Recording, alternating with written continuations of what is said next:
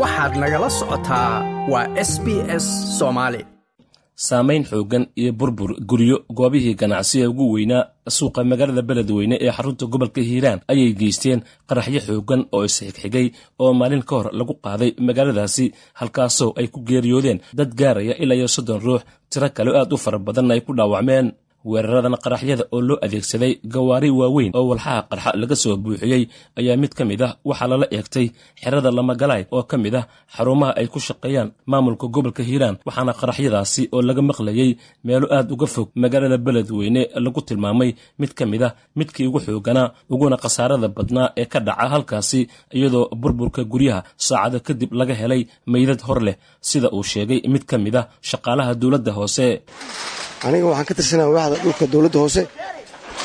Shalay waxaa lagu waayay saaxiibkii qaraxii koowaad. Hadda saakaa laga soo bixiyey ilaa ay had dirtaan kii ugu dambeeyey iyo kii ugu horreeba dadkii dhulkii hoostiisa laga raadihayaa waxaa dhaca waa waxaanaan caadihayn marka waa lama soo koobi karo. Ilaa hadda dhulka waa laga faagaya haddii hadda laga soo baxshay ninkii shalay ku jiray.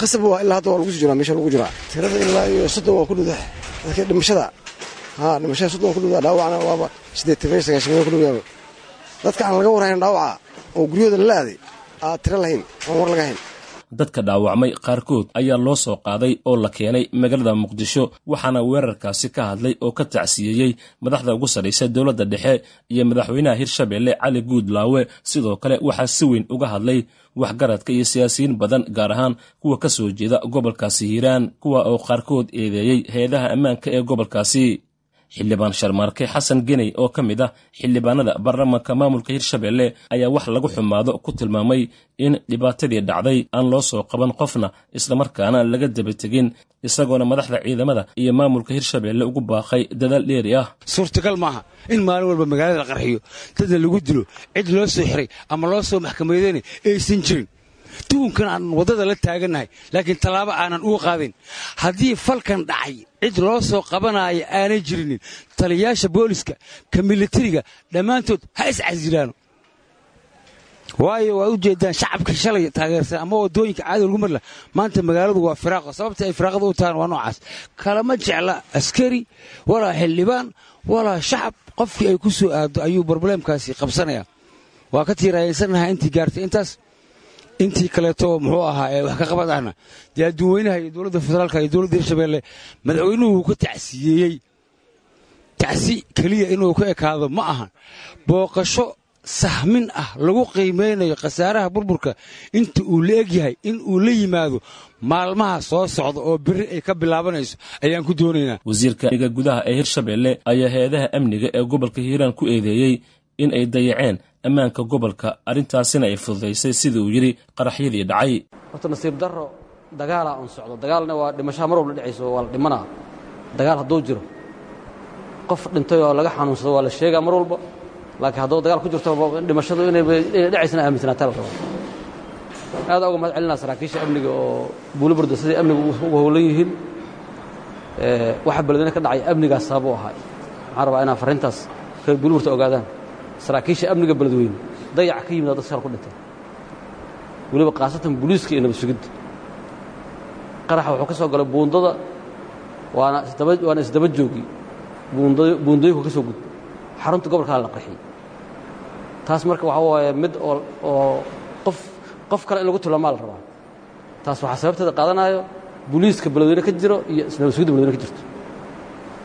Haddaana wax qof lagu sababaynin maba shaqay karaanba meeshan hadda annaga aan joognaan iyo xildhibaanada heer iyo heer federaal iyo maamulada maamulka degmada amnigu waa shaqaynaya xalay iyo shalay intaan ka arkay saraakiisha amnigu waa shaqeeyaan ayagoo nooc walba leh. Hadday yihiin heel walaal iyo hadday yihiin militariga iyo booliiska meeshan haddaa laga shaqeeyo oo layska warqaba waxba halaayo maama baabuuraasoo u soo socdaa gurigii gobolka qarxiyey mid kalea soo socdaa bacdlihii qarxiyey mid kale iridii waardiyaha qarxiyey jagboonti halayna soo mareen. Waa mas'uuli darro amniga ka sabab u yahay. Laakiin nimankaas waa niman laga adkaaday oo dagaalka safkaha looga adkaaday oo raba inay qarax ku adeegtaan gobolka hiiraan oo degmooyin fara badan oo ka tirsan iminka laga saaray xarakada shabaab halkaasoo ay maamulayeen sannado aad u fara badan ayaa waxaa weli ka socda dhaqdhaqaaqyo dagaal hase yeeshee agaasimihii hore ee hay'adda nabasugidda iminkana ah xildhibaan ka tirsan golaha shacabka baarlamanka soomaaliya. Cabdulaahi sanbaloolshe ayaa sheegay in reer hiiraan keligood aanay wadi karin dagaalka ka dhanka xarakada shabaab haddii qabaa'ilada kale aanay soo gelin. Walaalayaalow dagaalkaas annagu keligeen ma xamili karno. Intaan wadi karna waa wadnay inaan isdhiibnana ma rabno. Intaan isdhiibi lahaynna gabar intay naga nooshahay waa wadayna annaga dagaalka soomaali haddii hilib isku kaana yeelana waxaan rabnaa dagaalkaas in gacanna la ku siiyo musiibad aragtaa dhacday gurmadaan u baahannahay gurmadkaan u baahannahayna ma ahan mid biyo iyo baada. Waxaan u baahannahay cadowgu wuxuu wataa fikir iyo qoray. Fikir hadda nasiibkiisa waxaan rabnaa saanad military. Annagu daawo ma rabno biyo ma rabno ciidan waa rabnaa rasaas waa rabnaa qoryo waa rabnaa qof kasta oo soomaaliyeed ee naga naxaya ee dareen wadaninimo iyo soomaali mid islaamnimo leh ha nagala ka soo qeyb qaataano ficil iyo ii sheegeen maxaan ku dhahaa fikirba.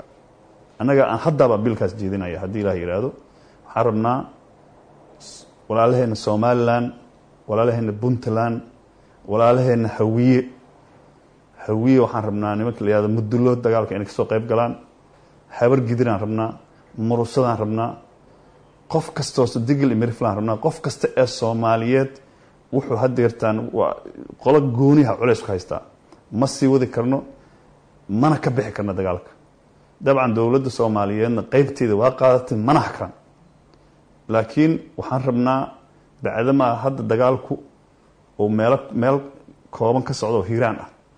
Dalka inuu ku fido waan jeclaan lahayn laakiin waxaa jeclaan hadda haddii la karo haddaan dalka aan laga wada wadi karin meesha uu ka socdo shabaab in lagu dhifiid gareeyo looga guuleysto ay ku jabaan. Inta haddii lagu jibiyna meel kasta waa ku jibi doonaan.